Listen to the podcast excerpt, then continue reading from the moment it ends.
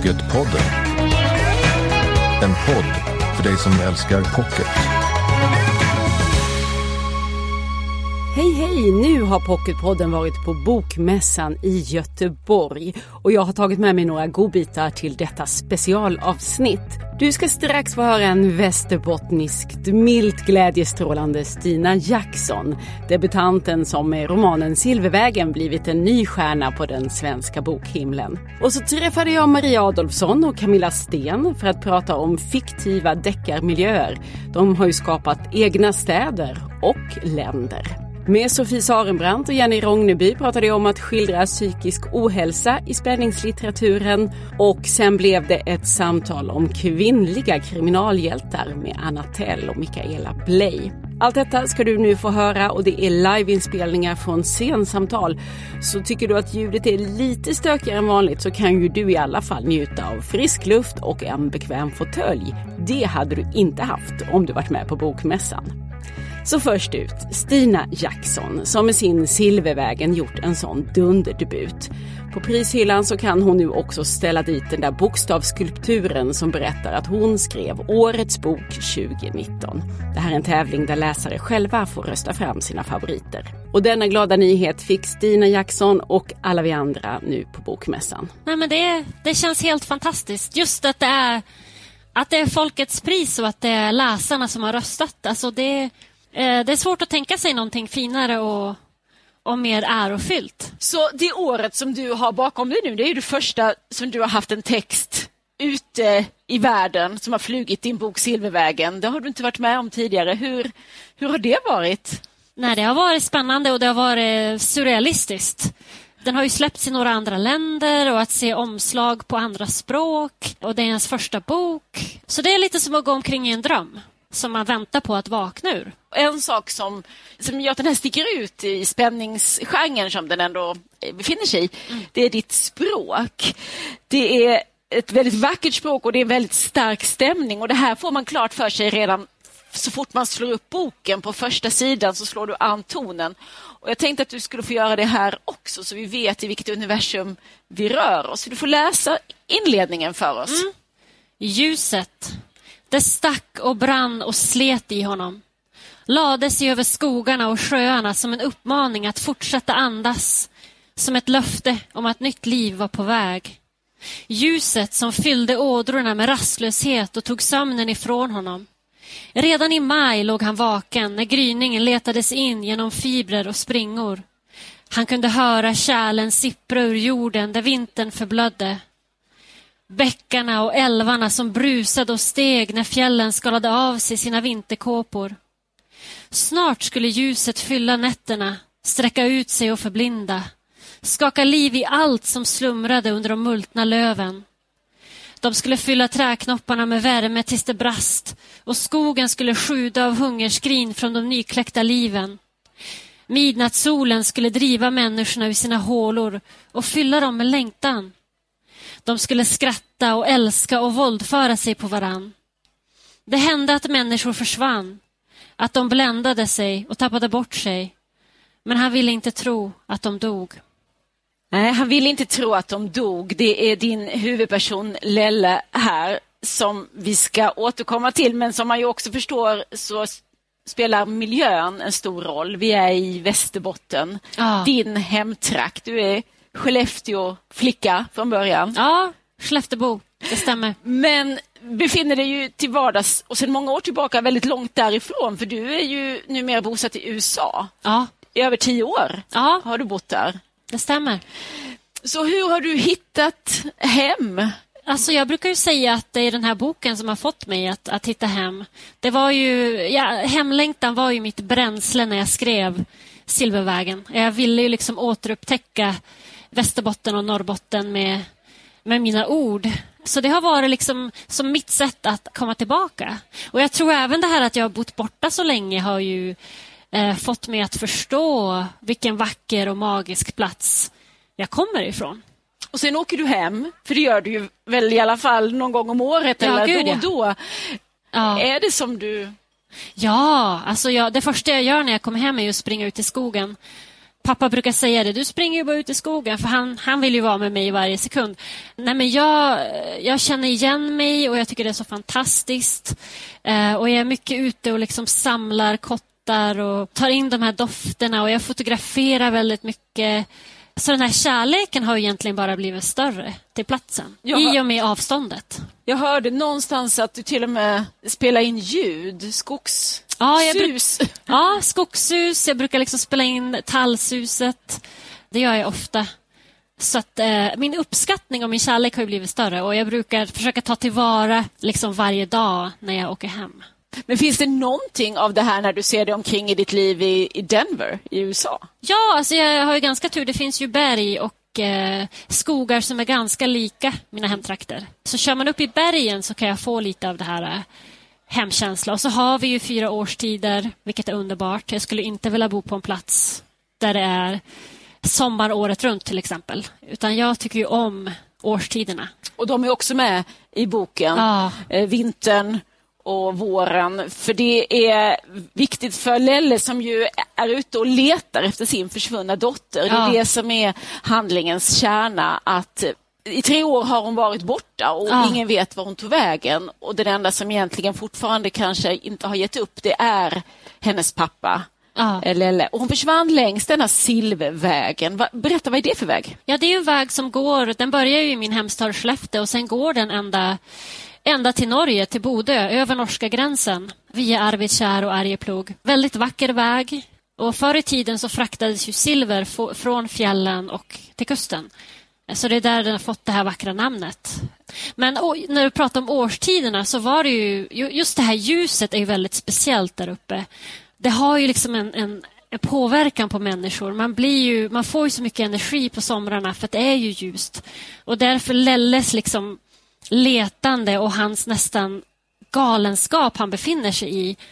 Eh, jag har ju som använt mig av miljön för att förstärka hans sorg och hans galenskap. Så jag har liksom lekt lite med det här eh, miljön och vädret och årstiderna. Och jag tänker mig att Lelle också är, är en karaktär som finns där i, i Ja. Västerbotten. Ja. Är han det? Ja, det Eller tycker jag. Är han en del av den här eh, hemlängtan? Att han har fått vara med också? Absolut. Alltså, människorna är ju fantastiska där uppe och det finns ganska mycket ensamhet. Alltså, det, det är ofta att, att kvinnorna far och männen blir kvar. Eh, och Lelle är ju... Hans äktenskap har ju gått i kras efter att dottern försvann. Så han är ju en väldigt ensam själ. Och du tränger in i, i huvudet då på denna förtvivlade pappa. Hur kom det sig att det blev en, en medelålders man som blev din huvudperson? Ja, alltså det... Han kom till mig nästan som en dröm, men det var inte en dröm utan jag såg honom så tydligt framför mig innan jag började skriva. Så jag ser ju scener i huvudet innan jag börjar skriva. Och Jag såg vägen, jag såg Lelle bakom ratten.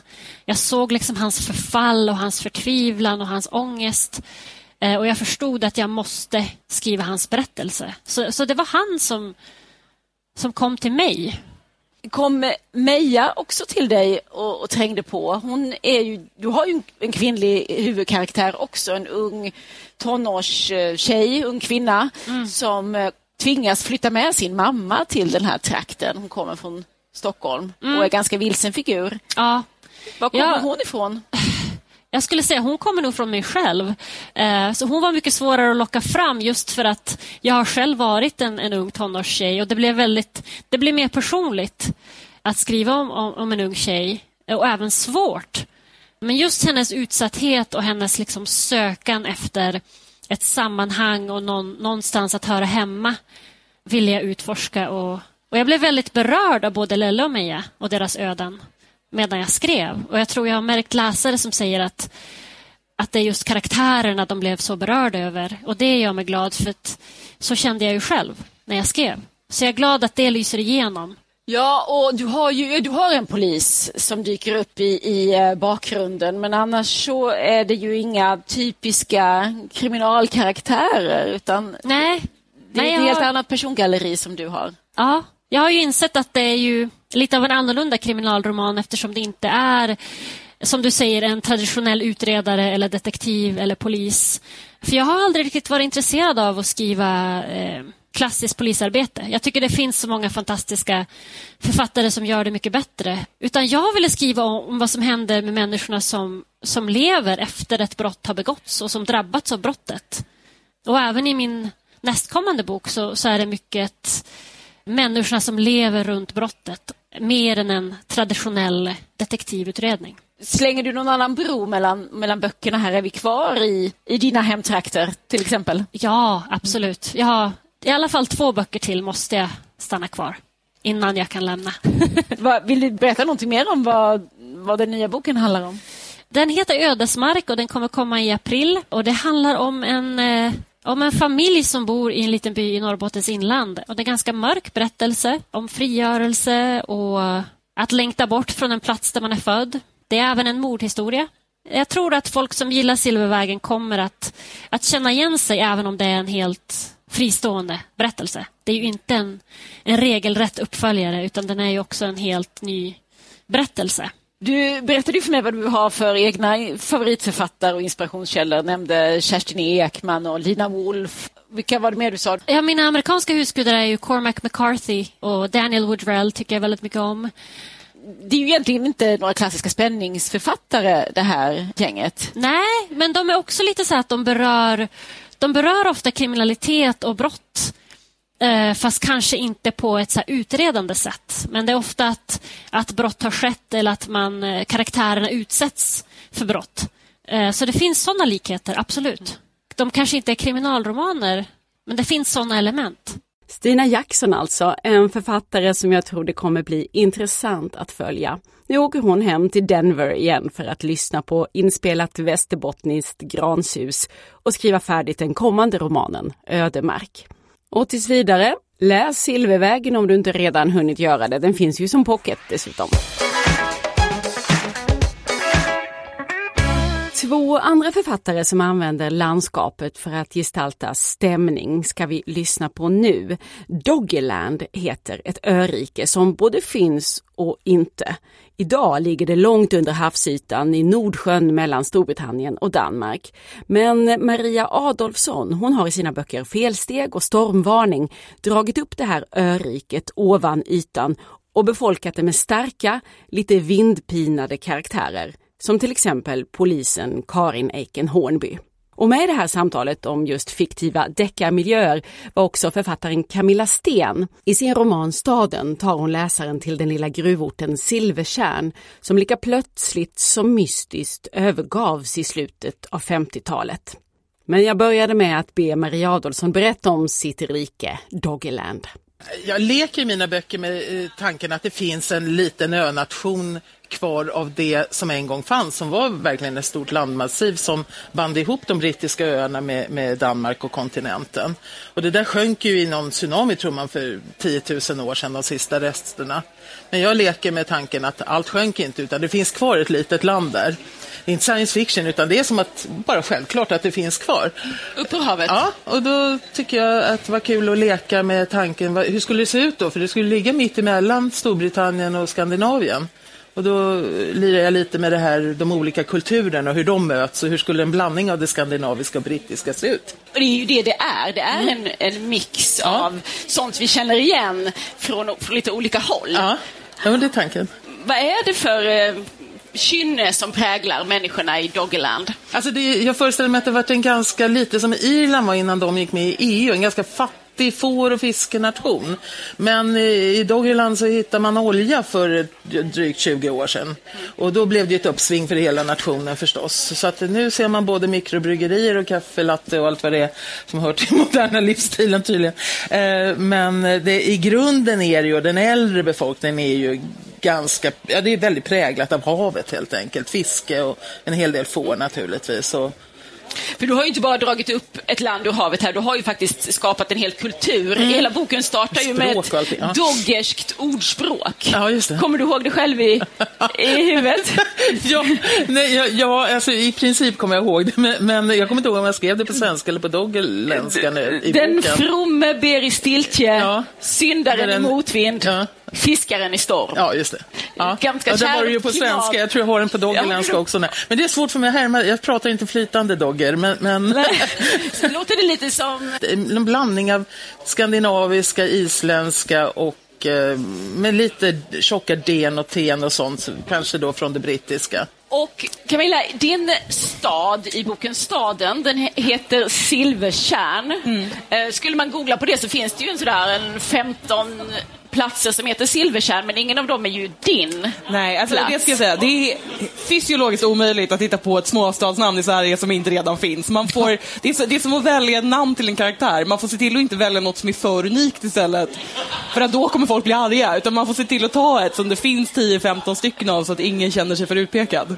Och Silvertjärn är ju själva huvudpersonen nästan i, i din bok och vad som hände i den här lilla bruksorten för 50 år sedan. Det är ett mysterium som, som drar filmaren Alice dit. Men vad är då Silvertjärn för plats?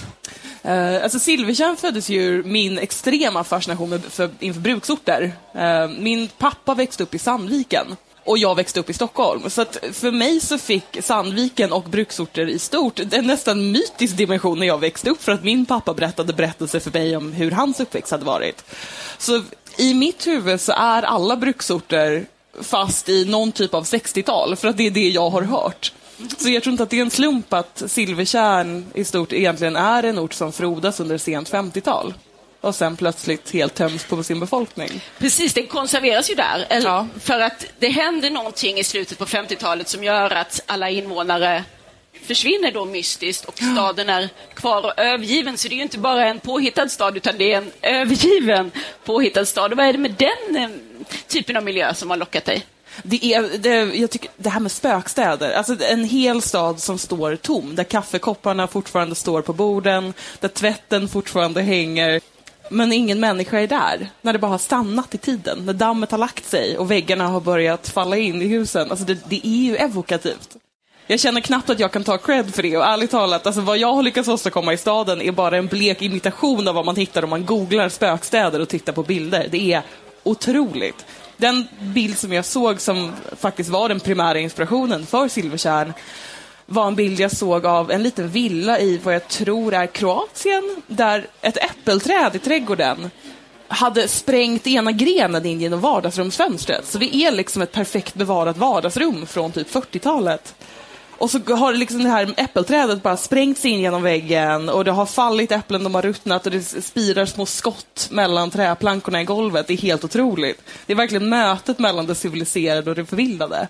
Det här är ju en hel, insåg jag också, jag vet inte om vi ska gå så långt som att kalla det folkrörelse, men det är i alla fall någon slags subkultur som intresserar sig för och på Youtube, som du nämnde, kan man verkligen förlora sig i eh, filmningar av övergivna städer och så. Är du också, och hus, framförallt Ödetorp, är du ute och letar i skogarna efter övergivna hus? Jag vill väldigt gärna göra det. Min mamma har förbjudit mig från att göra det. Jag försökte påpeka att jag är vuxen. Det gick halvbra, så hittills har jag inte gjort det. Men, men jag är väldigt frestad. Jag, just nu, jag försöker eh, ragga sällskap just nu för att åka på en miniresa till en eh, övergiven stad i Tyskland som, eh, som ska vara ganska säker. Det kanske blir en ny, inspiration till en ny bok? Det, Vem får man, göra. det är Nej. väldigt kul att skriva om övergivna städer. Det, är- alltså, det, det vet, vet vara, du? ja. Alltså, Ja, det, det, ja. det är så himla kul att skriva om ställen som är på gränsen till det verkliga, för då kan man ju spekulera. Mm. Man kan flytta på saker, man kan leka lite med gränserna. Ja, ja, för mig blir det en väldig frihet i skrivandet. Jag brukar på skoj säga att jag är lite för lat för att göra research, så att då är det bättre att jag, jag får hitta på hur det är på Doggerland, så ingen kan säga att så jobbar inte polisen. Jo, det gör de på Doggerland. Och lite egna lagar och så finns det. ja, jag tycker verkligheten är lite överskattad, så jag tycker det där Det där är ju skitsmart, ärligt talat. För alltså, när, när jag skriver eh, ungdomsböcker med min mamma, då när jag skriver manuset, då skriver jag så här bara Tuva svängde höger vid ÖX och sen går mamma igenom och fyller i alla platsnamn. För att jag vågar inte sitta med en karta. Nej, men man- det gör jag. Ja, det- ja, jag det har där- lite av kartor och ett språk och allting. Så att vi jobbar på olika sätt då, men det, men det är ändå är samma frihet att få Ja, men det hitta är ju på. det. Och jag tänker så här, om man är någorlunda duktig på geografi, då kanske man jobbar mer med kartor och regler. Eh, Jag tog ett orienteringsprov när jag var 12 och fick 10 poäng av 250. Eh, var det enda IG jag fick i hela mitt liv, så det kan ju säga någonting om ungefär vart jag befinner mig i det här med kartläsningsförmåga. Men då tänker jag att ni egentligen har gjort det ganska svårt för er. Att det borde vara lättare att använda sig av en plats där eh, gatnätet finns och man vet hur det hänger ihop. Ja, det är inte riktigt det. När jag skrev första boken då var det inte total frihet, för då hittade jag på från dem. Men nu andra boken, vad, vad skrev jag nu ettan? Hur var det där och vad hette den staden och den förorten och, och, och sådär. Och då måste man ju föra mer och mer anteckningar så att det verkligen håller ihop. Och nu har jag ju skrivit bok tre också, kommer ju nu i januari, så den är ju färdigskriven. Och börjar på fyran. Så för varje bok blir det lite svårare, men också roligare förstås. Men finns det hemma hos dig en stor karta över Doggeland, över de här tre öarna som är de huvudsakliga öarna. Tapetserat hela vardagsrummet. I Nej, det jag har i datorn. Man får lite hjälp i boken. Eh, där är det ju en karta. Ja, just det. med, Ja, eh, ja, just det. Väldigt schematiskt sådär. Men, Ja. men, ja. Nej, men, eh, jo, men jag har i datorn då har jag ritat upp lite grann, så, men oerhört schematiskt, men mest så att jag ska veta. Men när jag väl är där behöver jag inte konsultera kartorna egentligen, men, men det kan vara namn framför allt. Jag, jag ser det framför mig när jag skriver. Eh, Det är som att jag är på plats och jag vet precis hur det ser ut och man går eh, Jag är lite tokig på något sätt, men, men det känns så verkligt för mig när jag skriver. Men däremot att hålla reda på exakt vad, vad den och den eh, staden eller personen hette och, och, och så, om de återkommer och så, då, det får jag föra register över. Du, som du sa så har ju Doggerland funnits en gång i tiden och det finns ju en hel del eh, arkeologisk f- forskning kring den här Mm. Mer platsen. och mer tydligen, ja. hur mycket har du, hur mycket har du När jag började så, var, alltså det är klart man har hört talas om Doggers bankar och någon gång hade man väl fått lära sig i skolan om det här Doggerland också, men det var så långt i huvudet så det tänkte inte jag på. Så jag hade börjat att leka med den här önationen bara för den här mellan det brittiska som jag sa och det skandinaviska. Så det började med den tanken och inte förrän jag hade börjat skriva så i efterhand så konstaterade jag hela tiden, jag skrev någonting och så googlade jag i efterhand och sådär, ja men det här hade ju nästan kunnat hända blev det så. Så att, eh, nej, det var inte så att jag utgick från Doggerland utan det blev det på något konstigt sätt. Men är det nu viktigt för dig att, eh, att det ska lira med det som man ändå vet om en vad- hur Ja, man ett faktiskt land hade kunnat se ut om det hade funnits Ja, jo, lite grann. Med, med, vad är det för bergarter och är det lövträd eller är det och, och, och så. Så det, där försöker jag föreställa mig hur det såg ut och så. så eh, absolut, men det var ju bördiga jaktmarker och det var ju ett helt annat klimat då när Doggerland verkligen fanns. Så det måste ju också spela in. Hur hade i så fall ett sånt kvarvarande örike varit idag. Det hade ju inte sett ut som det gör då. Det, man odlar ju inte vindruvor nu i Sverige heller som man gjorde på, för så länge sedan. kunde man ju göra i alla fall. Men du, är det för ditt eget, eller era egna höga nöjes skull som ni har hittat på eh, fiktiva platser eller tycker ni att det ger historien någonting? Hade inte Karin Eiken Hornby kunnat finnas i England eller Danmark eller Sverige eller någon Och faktisk det hade hon nog kunnat göra, men det här som du var inne på från början, hennes kynne och så, det blir lite kopplat. Så att det, ja, det, en del frågar ju om man är, vilket är viktigast, är det miljön eller handlingen eller så? Och, och då tycker jag det är precis, som ofta musiker får frågan, så här, skriver du musiken först eller texten först? Och en del svarar det ena och en del det andra. Och för mig är det att det växer parallellt på något sätt. Så det är inte så att jag börjar med land och sen la dit karaktärerna, eller tvärtom, utan det är som att jag själv är på upptäcktsresa och lär känna folk. Det låter flummigt, men det funkar faktiskt så. Så att det är väldigt spännande och roligt. Det är det. Ska man tänka att Doggerland är musiken och sen så kommer texten? Ja, det så var kanske man kan tänka sig, den va? var Ja. perfekt. Ja. Skulle din historia kunna utspela sig någon annanstans än i Silvertjärn? Skulle du kunna ta livet av hela befolkningen i eh, Alingsås eller Trosa eller någon annan liten ort? Ja, om de är döda eller inte, det får Ja. historien avslöja för sig själv. Men eh, nej, jag, jag tror att eh, det, det hela växte egentligen fram ur, som sagt, ur att jag tyckte att det här med övergivna städer är väldigt spännande. Och det finns inga riktiga spökstäder i Sverige. Det finns i USA, där finns det hela småstäder som står helt övergivna. Eh, Och det var där det började för min del, att jag började undra hur skulle det egentligen se ut om man hade en hel liten, liten arbetarklassstad i djupaste Norrland, långt inne i skogen, som hade stått helt bevarad och orörd i 60 år. Och så det föddes därifrån för min del. Så konceptet var att det fanns en liten orörd stad och det finns ju inte. Så jag var tvungen att hitta på den. Det gick inte riktigt att, um, att applicera det på något annat ställe. Då föddes det därifrån att jag tänkte att om man gjorde det, varför skulle, då, varför skulle den stå tom? Vart skulle hela befolkningen ha tagit vägen? Och det var så Silvertjärn föddes. En, en liten bruksort där gruvan stänger ner. Hela befolkningen på 900 personer plötsligt förlorar jobbet. En väckelsekyrka växer fram och sen sex månader senare är alla borta. Vad är det som har hänt? Teorierna är många och det är det som den här eh, huvudpersonen, filmaren Alice, ska försöka gå till botten med. Och hon hinner ju nästan bara komma dit innan man som läsare känner att nu är det dags att tända några fler lampor här i, i rummet.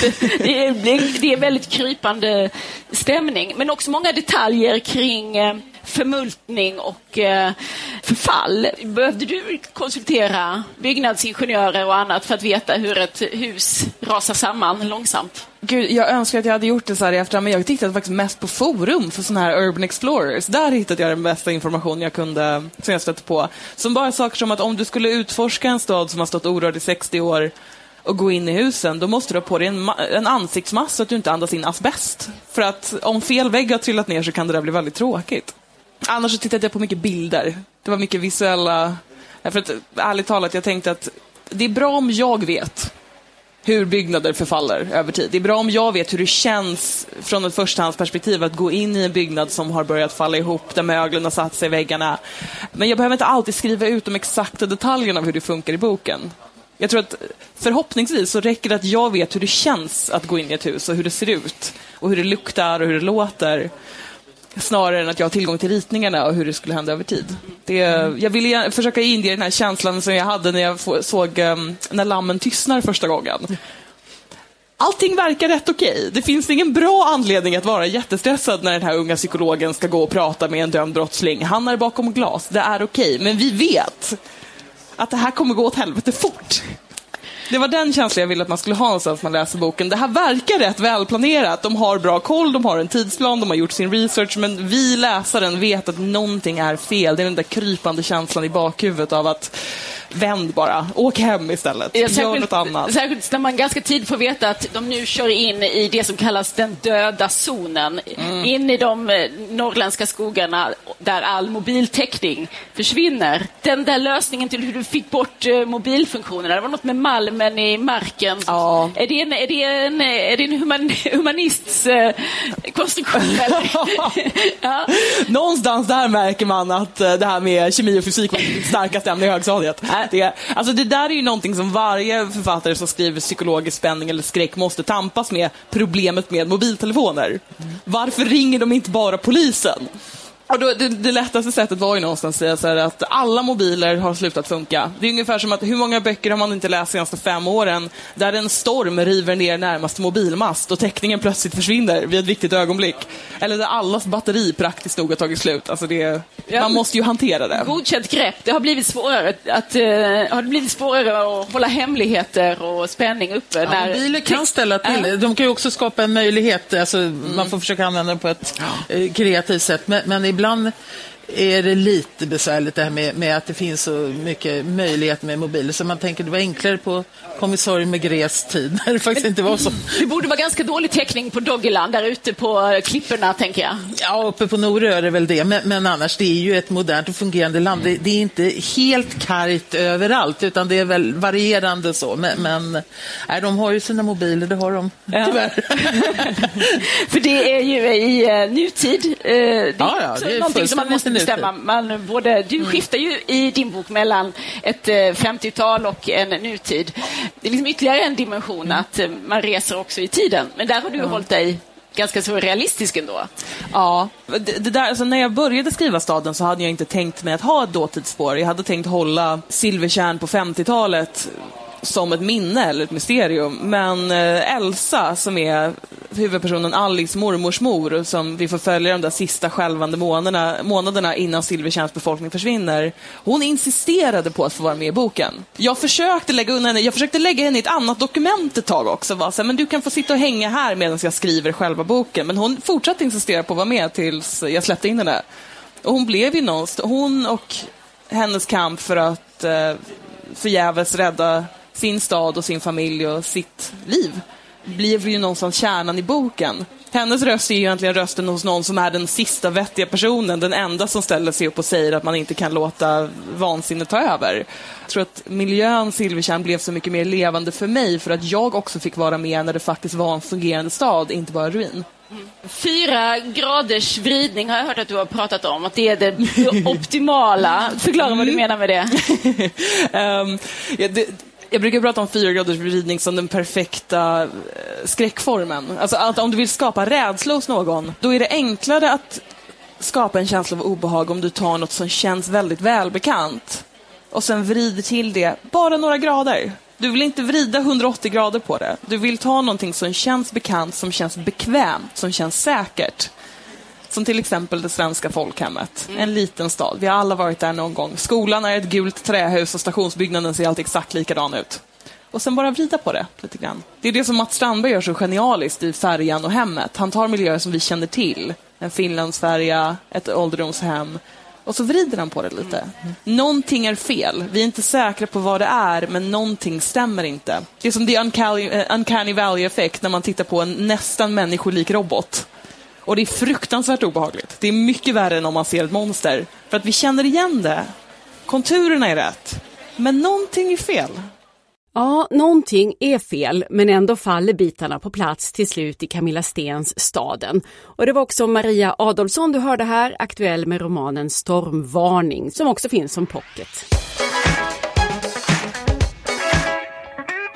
På Bokmässan hade jag också ett scensamtal om hur man kan skildra psykisk ohälsa i spänningslitteraturen. Inbjudna till det var Sofie Sarenbrant och Jenny Rogneby och de behandlar ju båda det här ämnet i sina senaste romaner. I Sarenbrants Skamvrån, sjunde delen med polisen Emma Sköld, där lägger sig tonårsflickan Julia på tågrälsen och inväntar tåget. Och i Jenny Rognebys Ur aska i eld blir det polisen Leonas uppgift att hitta den som organiserar en självmordslek för ungdomar. Och jag börjar med att fråga om de här böckerna är skrivna med ett ärende och så här svarar Sofie Sarenbrant.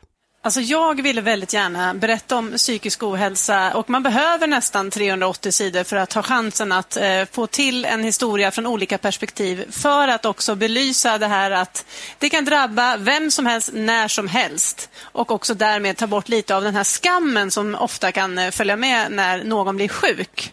För man tänker såklart, vad är det för fel på mig? Men Julia, den 13-åriga tjejen som hamnar då på ett tågspår, det får man ju reda på ganska tidigt i boken att det står ju faktiskt två jämnåriga kompisar, eller kompisar ska jag säga, och tittar på henne när hon ligger på spåret och hon måste vänta på klartecken för att få resa sig upp.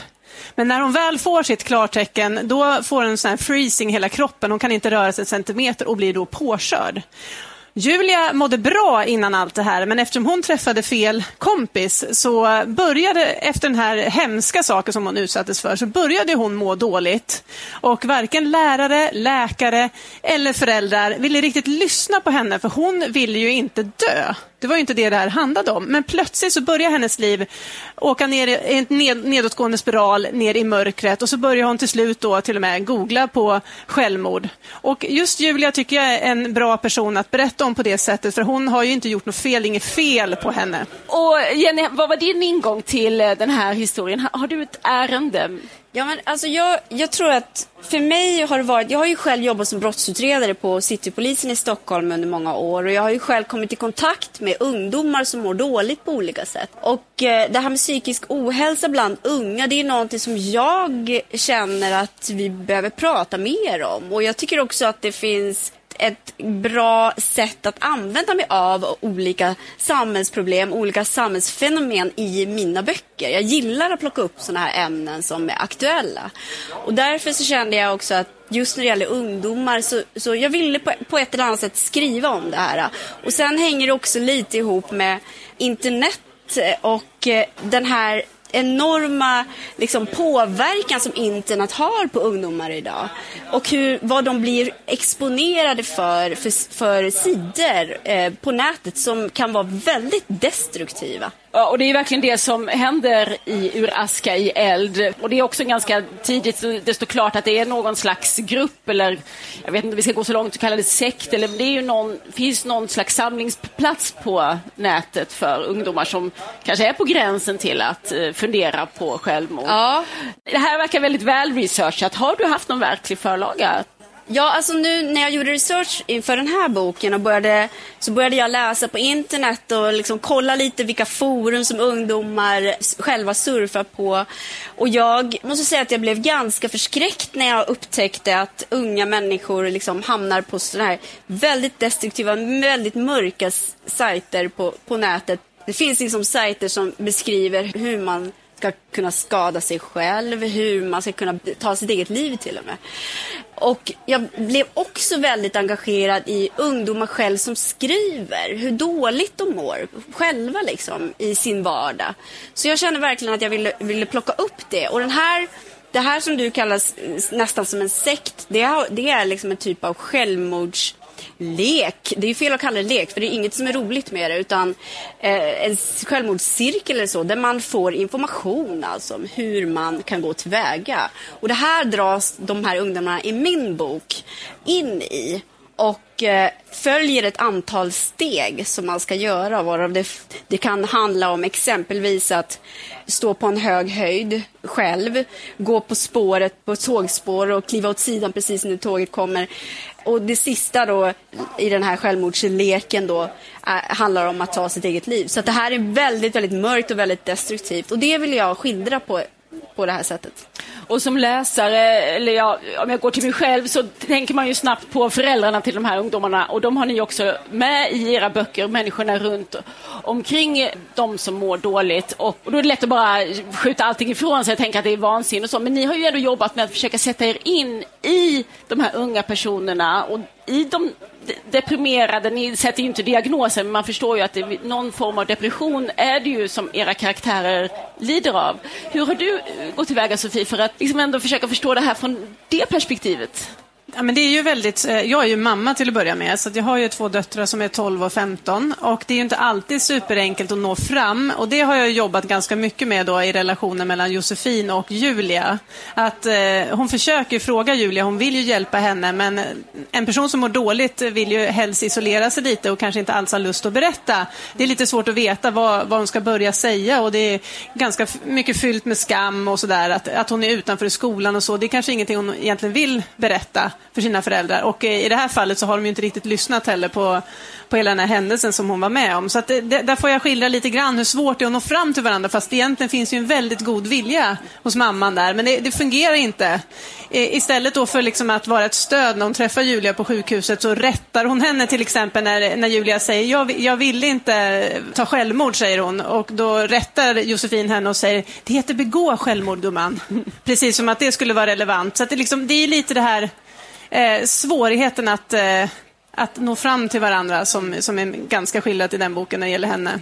Du har ju också då tänkt in i de här ungdomarna att försöka gestalta det här och förstå logiken från deras håll. Vad har du, vad har du kommit fram till i din Nej, men det, det, har, det, är ju väldigt intressant att få möjlighet att sätta sig in i. Jag menar, en del av, av min bok skildrar jag utifrån en tonårings perspektiv och, och hur eh, den här tonåringen tänker kring eh, sitt liv, sin omvärld och eh, också internet. Och, och samtidigt så har, har det ju också varit Eh, det har varit både svårt att skildra, men jag har också fått väldigt mycket kommentarer på vad bra att det tar upp det här ämnet, eh, eh som, som ju är eh, känsligt och, och, och svårt. Men jag tycker också, det har också varit en svår balansgång mellan att man det här är ett ämne som man måste ta på största allvar. Samtidigt så vill man inte skriva en bok som blir alldeles för tung och för mörk och för jobbig att läsa. Så att man vill försöka hitta något ljus i det där också. Så det, det, har, det har, varit en balansgång och väldigt intressant. Ty, tycker du Sofia att det har varit en svårare balansgång i det här än kanske, jag menar ni har ju, det händer ju ofta hemska saker i era böcker och i spänningsböcker och det finns gott om brottsoffer och utsatta personer. Tycker ni att det här varit en extra utmaning? Jämfört med andra ja. hemskheter som du skriver om. Nej, men alltså, när man tar sig an såna här väldigt kontroversiella och svåra ämnen som, jag har ju skrivit till exempel om tiggare som har blivit utsatta och nu skriver jag om det här svåra ämnet psykisk ohälsa och självmord. Då, det, då får man ju passa sig för att det får inte heller bli fel. Det ska liksom nå ut rätt till publiken. Det var ju nästan min största oro, att hur mycket jag än ville berätta det här på ett bra sätt från olika perspektiv så visste jag ju inte när boken kom ut om läsarna skulle tycka det. Och skulle jag ha skrivit en bok om psykisk ohälsa, en, eh, mer, som hette Psykisk ohälsa och självmord, då skulle nästan ingen läsa den. Så på det här sättet i en deckare där man ändå läser så får man ju faktiskt chansen att berätta något viktigt också. Så det, det tycker jag känns eh, bra på det sättet, att välja just det ämnet. Eh, du sa att du hade farhågor. Vad kunde det handla om? Vad var, du, vad var det du var rädd Jag vill att absolut skulle... inte att någon ska känna att jag använder det här ämnet på fel sätt. Att det blir så här, åh det här känns inte alls... eller? Ja, eller inte vet jag, men att någon skulle känna så här att det här kändes inte alls kul att läsa nu. Eh, och att det känns inte rätt beskrivet och trovärdigt. Så det är ju, skulle ju vara hemskt. Att trampa någon på tårna eller göra någon ledsen eller liknande. Men jag har inte varit med om det än, så det, det, det är skönt.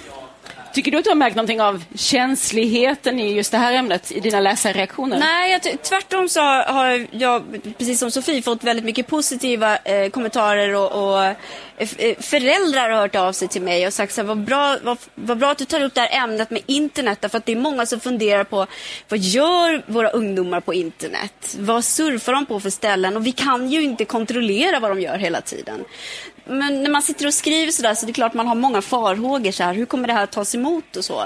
Men det har varit uteslutande positivt faktiskt, när- just när det gäller den delen att ta upp det här känsliga ämnet. Så det kanske var mer en farhåga än vad så, som inte riktigt besannades då? att Ja, det skulle vara absolut. så känsligt att det är ändå något vi vill läsa om? Många människor mår ju dåligt i spänningslitteraturen, både bland offer, förövare och eh, polisen. Vad tänker ni om det? För det, det finns ju lite, liksom, Leona till exempel, hon har ju någonting för sig där som gör henne väldigt stressad. Om det skulle Har du ligga... tänkt ge henne en diagnos eller? Jag tänkte att du skulle få göra det. Om det, det ligger en penna och pekar mot henne till exempel, då blir hon Ja. väldigt stressad. Ja, hon har lite spe- speciella egenheter. Om man, om man följer hela serien från början till, till, till fjärde boken som det här är då, då får man i varje bok veta lite mer om eh, vad som ligger bakom Leona, eh, Leonas eh, speciella karaktär då. Men just det där som du, du är inne på, någonting att man vill ju gärna skildra en person som är, som är liksom komplex på ett eller annat sätt. För det är ju en del som säger så här, men poliser och sådär, men är, det så att det bara finns poliser som liksom missköter sig eller som har problem i sitt privata liv och så vidare? Och det är naturligtvis inte. Det finns ju jättemånga, jag menar, jag har ju själv jobbat med väldigt många. Man vill ju hitta någonting som gör att det finns en motsättning i, när man skriver. För det skulle bli ganska tråkigt att läsa om det bara var poliser som gör allt rätt. Det blir inte någon spännande historia. Så därför får man liksom plocka fram de här grejerna hos varje person, hos varje karaktär som ger lite spänning, lite motsättningar. Mm. Hur är det med Ingen- ja. Emma? Hur, mår- hur mår hon? Ja, men Emma mår fint tack. Eh, Men däremot eh, mina karaktärer då, eh, Magnus och Julia som man får följa i boken. Det var väldigt viktigt för mig att det inte skulle vara personer med någon form av diagnos eller med stora utmaningar i livet. så där. För det är ju väldigt självklart att man kan må dåligt om man har haft det tufft. För Magnus, han är ju väldigt framgångsrik. Han har liksom fru, familj, fin villa. Han har gjort allt han vill i sin karriär och plötsligt så tappar han glöden. Och han förstår ju absolut inte att han har drabbats av en depression. För det, det är bara till för sådana misslyckade krakar. Liksom. Han, nej, nej, absolut inte. Det var liksom viktigare för mig att berätta om, eh, och om Julia då som eh, absolut en helt vanlig tjej och sådär. För att just beskriva det här med psykisk ohälsa. Att det kan träffa var som helst. Nu sitter alla och känner sig jättehotade här. Bara, det kan drabba mig. Men jag menar, det är ganska viktigt att förstå det så man också får lite eh, respekt för, eh, för hur svårt det kan vara. Det sa författaren Sofie Sarenbrant, aktuell med Skamvrån och det var också Jenny Rogneby du hörde här. Leona ur Askajeld heter hennes senaste bok som vi pratade om här. Sen var det dags för ett samtal som hade fått den lite mossiga titeln Kvinnliga kriminalkaraktärer. Jag menar, det fanns ju inget samtal som hette manliga karaktärer. Men just som jag satt där och surade lite åt den här tjejbandsrubriken så läste jag en artikel i Dagens Nyheter om vad utlandet efterfrågar i den svenska litteraturexporten. Och där var det en litteraturvetare som konstaterade att den ensamma och självbespeglande mannen verkar intressera färre. Och samma sak med det han kallade magsårsskolan, alltså deckare med deprimerade medelålders män i centrum. Jämställdhet är något som uppskattas i svenska böcker, det sa litteraturvetaren Andreas Hedberg i den här artikeln. Ja, och det var ju goda nyheter för vårt samtal. Anna Tell och Mikaela Bley har ju i sina karaktärer den raka motsatsen. Anna Tell skriver om Amanda Lund som i den senaste boken med Ont fördrivas skickas rakt ut från föräldraledighet till Kosovo för att leta reda på en kidnappad polis. Och Mikaela Blaise, tv-reporter Ellen Tam, hon far till den sörmländska landsbygden där hon får anledning att gå till botten med ryktena kring en ljusskygg internatskola för flickor. Men i programbladet så stod det ju att vi skulle tala om det här begreppet starka kvinnor. Så vi började där. Anna Tell. Man ler lite grann när man ser den där rubriken, eh, temat som är utvalt till oss. Men eh, jag tänkte nog att eh, det är ju roligt att få prata om sin kvinnliga karaktär såklart. Det var, det var väldigt naturligt för mig att jag skulle ha en, en stark kvinnlig karaktär i min bok när jag bestämde för att jag skulle börja skriva. Och Amanda Lund, och din karaktär. Tänker du på henne som en stark kvinna? Ja, det gör jag ju. Och när jag gav henne hennes egenskaper då har jag gett henne en, att hon ska stå stabilt, alltså vara ganska grundad, hon har skinn på näsan. Hon kommer till sin rätt i lite ruffigare miljöer och hon jobbar i en mansdominerad miljö men hon trivs ju egentligen bäst där det är som kris och krig och konflikt egentligen. Men hur hon är som person, hur hon blivit präglad genom jobbet eh, tar hon ju med sig också in i sitt privatliv. Där är hon ju inte kanske alltid lika stark som hon är på, på jobbet. Nej, precis. Vi tänkte vi ska återkomma till det, det här skillnaden mellan det professionella och privata som ju finns med i båda era böcker. Men Mikaela, vad skulle du säga om Ellen då? Är hon en stark kvinna? Ja, men jag funderar på ordet stark kvinna. Alltså jag hoppas att hon är stark att hon fastnar hos en. Att hon är stark på det sättet. Men hon är ju inte en stark, alltså hon har inte de egenskaperna som man kanske ser hos en stark kvinna. Men jag tycker att det är härligt att kvinnor får ta plats i litteraturen och historien där de får vara lite mer flerdimensionella än vad de tidigare har gestaltats. Så det tycker jag Ellen kan stå för. Att allt inte är så polerat och fint och man, man får känna lite mer med att livet inte är bara nyfönat hår Nej. för en kvinna. Vad skulle du säga om Ellen då? Vad är hennes, eh, vad är hennes styrkor? Med att hon går sin väg. Att hon inte har anpassat sig efter eh, normer på det sättet som många ju ändå har. Ja, men så det är att hon går sin väg och inte behöver leva som alla andra. Men sen har ju hon jättemycket jobbigt från hennes bakgrund som hon tacklas med hela tiden. Men, och det är många som säger till mig att hon dricker mycket. Men hon dricker nog inte så mycket mer än vad manliga kriminalkommissarier har gjort genom tiden. Men man, man har en annan eh, förväntan på kvinnan. Man kan ju också fundera på vad det är det som skulle göra en människa eller en kvinna i det här fallet stark. Och då tänker jag på att mycket av böckerna utspelar sig på deras, i deras arbetsmiljöer. Amanda jobbar hos polisen på NOA i en miljö som ju är väldigt mansdominerad. I verkligheten finns, finns hon inte ens, eller hur? Finns inga kvinnor Nej, det är väl en tidsfråga kanske, men det finns inga, hon jobbar på nationella insatsstyrkan och har då en, ett uppdrag som förhandlare och det är, ju, det är sådana som Sverige skickar i gisslansituationer eller när någon har blivit kidnappad. Och eh, där finns det inga kvinnor än så länge. Och det är en väldigt macho miljö och eh, som ni, framförallt som kriminalreporter kanske, som Ellen är, så är hon också i en ganska mansdominerad värld och det är liksom en rätt tuff miljö. Men tycker jag ändå båda era kvinnor här får ju rätt mycket stöd i sitt sammanhang. Eller? Jag tänker att att Amanda hos polisen där och Noah, hon har ju väldigt bra kollegor och det är ju inte det här sexistiska ifrågasättandet som man lite fördomsfullt kanske hade förväntat sig. Nej, och så känns det lite så här som att jag vill inte skriva om det. Eh, utan eh, därmed inte sagt att det inte finns. Men eh, jag tror också att eh, jag har hellre valt att placera Amanda i sådana länder där sexism är liksom en... Det, det, liksom, hon, hon träffar karaktärer som har en annan livssituation än vad hon själv har. Hon har ju I första boken så är hon i Afghanistan och det är klart att det finns ju väldigt tydliga könsroller som också eh, per automatik eh, betyder någonting, vilket upp, vilken uppgift du får i samhället i Afghanistan till exempel. Så jag, ju, jag hanterar ju ämnet kanske, även om det inte är Amanda som huvudperson som har en, en dålig vardag, eller vad man ska säga. Men hur kom det sig då att du ändå har gett henne så bra chef och så bra kollegor? Och det är ju inget, inget, inget liksom snack om att Amanda som kommer tillbaka efter en föräldraledighet dessutom och känner sig lite ringrostig, hon får ju fullt förtroende att eh, ge sig ut på ett svårt uppdrag direkt. Det här hänger också ihop med lite av det skrivtekniska. För att Amanda ska kunna ha det här jobbet och för att det ska vara trovärdigt så måste hon ju vara en stabil person. Hon eh, hon äter inga mediciner, hon är stabil, hon, har inga, hon, har inte, hon går inte hos psykologen, hon, har, hon, hon står stadigt sådär. Men också för att hon ska kunna ta de här uppdragen i andra länder då måste det finnas en, eh, en tro på henne som eh, i hennes, yrkes, i hennes profession för att hon ska kunna åka iväg. Och när man tänker så, är det realistiskt att man i verkligheten, skulle det bara vara Amanda Lund som opererar i Afghanistan i första boken? Eller skulle Sverige ha kanske 20 personer som gjorde det jobbet som hon gör?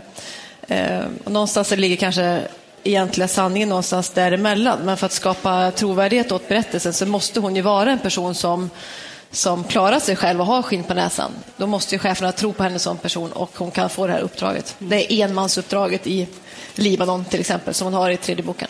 Nej, det är tufft nog ändå. Ska man dessutom ha en chef som ifrågasätter en då, Nej, då, blir, det, då blir det helt omöjligt. Men, eh, och Ellen på TV4 som ju hon arbetar, hon har ju också en, en snäll och stöttande chef. Ja. Kanske lite väl stöttande Ja, men precis. De har ju lite mer än bara en chefs eh, och anställd relation. Men däremot så tacklas ju hon med, hon kommer ju från ett förflutet som inte hennes kollegor gör. Och hon känner ju alltid att hon jobbar i motvind och inte riktigt accepteras av kollegorna. Hon känner sig alltid ny eh, och ung och oerfaren fast hon egentligen har jobbat där rätt länge och är duktig på sitt jobb. Och det är nog ganska vanligt, tror jag, tyvärr. Tror du det sitter hos henne, tänker du? Eller att, tänker du att hon faktiskt... Nej, men eh, jag tror faktiskt ofta att det sitter hos en själv. Mm. Att man själv måste känna eh, den tryggheten i sig själv för att få den respekten. Men inte, inte bara så enkelt såklart, men, men jag tror att det är en kombination av de två. Och eh, nu, eh, och inte minst efter hela metoo-vågen, så vi ju har vi ju väldigt eh, stor uppmärksamhet på sexism som förekommer på arbetsplatser till exempel. Och, nyhetsredaktioner har ju varit inte minst i fokus under den, men det, det verkar Ellen ganska förskonad ifrån, eller? Mm, nej, det är väl ingen som är förskonad Nej, jag, från det. tänker, jag tänker just eh, på jobbet sådär. Så, Ja. eh, alltså, i, Nej, men hon har ju varit ihop med alla typ. Okej. nej, men hon, eh, ja, men nej, det har inte jag skrivit så mycket om på arbetsplatsen. Så hon är ju rätt, alltså hon är ju ute på jobb rätt mycket själv, så hon är ju inte så mycket på redaktionen på det sättet. Tror ni att, eh, jag vet inte hur långt riktigt vi har kommit ännu. Nu har det ju skrivits mycket av moderna deckarböcker med eh, alla möjliga slags karaktärer och samtidsproblem som tas upp. Hur långt har vi kommit i? Hur fri är man att skildra en kvinnlig deckarhjälte? Måste man liksom fortfarande spetsa till det lite grann ur något slags feministiskt perspektiv till exempel? Jag tror att man, alltså jag tror att just kvinnoperspektivet, det finns ju så många berättelser som inte är berättade än. Och jag tror att man, alla vill vi ju ha nya perspektiv och nya berättelser. Och jag tror att just det här kanske att inte behöva göra dem till hjälte eller antihjältar, utan att de får vara mer mänskliga och att man får känna mer, mer med kvinnliga karaktärer. Det tror jag kommer bara bli större och större. Det vill vi bara mer och mer. Och, och du är, är verkligen där ju med Ellen. Ja, Jag skriver ju om, om kvinnor och kvinnoöden och tycker att det är superintressant. Och dels utifrån hur, men att det behövs det perspektivet och få veta också men att beskriva hur vi ser på kvinnan och vilka normer vi är fast i fortfarande. Vi har inte kommit så långt som man kanske hoppas, tycker jag. Gick du i sådana tankar, Anna, att du ändå behöver bekämpa några fördomar nu om du ska sätta en kvinnlig polis i fokus? Nej, jag tyckte inte att det var... Utan det var så givet att det skulle vara en, eh, en kvinna som var huvudkaraktären och som jag också tillskrev en hög riskaptit och att hon var ganska modig och gärna kanske... Vet man, när man skapar sin karaktär för att hon inte ska... Man hittar de egenskaperna som, som måste vara specifika för henne för att hon ska vara intressant som person och följa så där. Så det var, det var liksom ingen tvekan om vilka egenskaper hon skulle ha. Man är, vår generation är också påverkad av att det fanns, det här fanns inte när vi själva växte upp. Det fanns liksom inga, det fanns inga kvinnliga huvudkaraktärer på det viset utan eh, de hade en biroll eller de hade en, eh, stod vid, mer vid spisen-uppdraget kanske om de hade en roll överhuvudtaget. De var i alla fall inte huvudkaraktären som Nej. drev berättelsen framåt. De var väldigt endimensionella. Ja, Vi måste ju också berätta det spännande med dig, Anna, är att du är, har en djup inside-kunskap eftersom du är polis och jobbar fortfarande inom mm. myndigheten, inom Säpo idag, men eh, har ju erfarenhet från olika delar också av försvaret, eller hur? Så att eh, du kanske ser kvinnor runt omkring dig i den miljön som inte du tycker finns med i litteraturen, eller? Det är klart att man, eh, man hämtar mycket inspiration i jobbet, även om jag inte... Jag försöker hålla mig ganska långt ifrån min nuvarande arbetsgivares uppdrag när jag skriver mina böcker. Eh, hittills har jag skrivit väldigt mycket polisiärt eller Försvarsmakten eller kopplat till, till UD. Inte så mycket där jag jobbar idag. Men det är klart att man snubblar över intressanta människoöden som man tar med sig. Är du en kvinna med hög eh, riskaptit? Jag tycker det är ett sånt läckert uttryck. Har du hög riskaptit? Man vill ju inte anses vara oansvarig nu när man är tvåbarnsmamma och så. Så att eh, jag kanske balanserar det där. Men eh, jobb som jag har haft i andra delar av världen har ju sett ut på ett sätt innan jag fick barn. Efter jag fick barn så kommer de ju, de ser ut på ett helt annat sätt då. Så jag kanske har lite högre riskaptit än man vanligtvis har. Men... vi som sitter här. Apropå barnen tänkte jag, för det är om den privata sidan av livet som eh, vi också, där vi också får följa Amanda och Ellen, era karaktärer. Så visst har ju moderna deckarhjältar barn nu för tiden. Det, det är vi ju vana vid, även de manliga och det kan vara allt med dagishämtningar och tonårsbråk och sådär. Och ni har ju då gett era karaktärer också en hel del, alltså mycket av deras tankar och kretsar ju också kring det här med föräldraskap eller vilken plats barn ska ha i livet. Berätta, vad är det Ellen går i för funderingar? Ja, hon har ju ingen familj. Hon har ju en, en pojkvän som hon väl inte vet om det han är den rätta. Men har väl insett att hon kanske vill ha barn någon gång. Men är, är ju ganska... Hon är inte riktigt klar med sig själv och bär ju på en frusen sorg som jag kallar det, som hon inte har bearbetat. Så att hon vet ju inte heller om hon kommer jag kunna bli en bra mamma och, eller är det kanske bättre att jag inte är en mamma. Mycket sådana tankar går hon i här i Flickorna utan namn. Hon har ju en, en ganska djärv och speciell idé apropå vad man skulle kunna lägga i begreppet stark kvinna. Hon har ju en idé om att det här kanske är någonting som hon, ja, hon tar ska tag fixa i, själv. Ja, men precis. Hon, hon tar ju tag i sin egen situation och eh, bestämmer sig för att frysa ägg för framtiden. Och det kan ju bero på, på flera olika saker. Kanske att hon inte är tillsammans med den rätta, men också att hon, hon inser att hon kanske i alla fall någon gång kan göra det. Och när man kan göra det, så, och hon har de ekonomiska förutsättningarna, så, så gör hon, går hon igenom en sån utredning. I alla fall. Och Amanda har ju fått tvillingar Ja. som är i ettårsåldern. Ja, alltså när första boken slutar, då kommer hon hem från Afghanistan och så är hon gravid och eh, mannen som är pappa till barnen vill inte vara med på bild och eh, där slutar boken. Och den andra boken den tar ju vid då efter att hon har varit eh, föräldraledig i ett och ett halvt år med tvillingar som hon då hanterar på egen hand. Så att det är väl det som blir skillnaden också i första och andra boken, när man försöker utveckla sin huvudkaraktär. Att någonting måste också hända på det, på det personliga planet med karaktären för att det ska vara en intressant person att följa. Så då blir ju hennes liv eh, helt annorlunda. Hon, hon lever ju kvar med sin riskaptit så hon åker ju fortfarande ut på uppdrag och har ju en, eh, en fantastisk eh, inneboende barnvakt som ställer upp ofta. Det blir mycket praktiska frågor för eh, när man är, är mamma till två småbarn så och ska ut och fara och flänga och jobbet är helt liksom, gränslöst i tider. Det får man verkligen följa. Ja. De praktiska problemen man har som förälder. Ja, och sen så är det ju också eh, det säger ju någonting om eh, huvudpersonen, eh, hur hon är som, eh, som människa. Att hon kanske hon älskar sina barn, men hon måste ändå prioritera det här jobbet och så löser hon det här praktiska för att skapa förutsättningar för att fortfarande kunna behålla det här jobbet.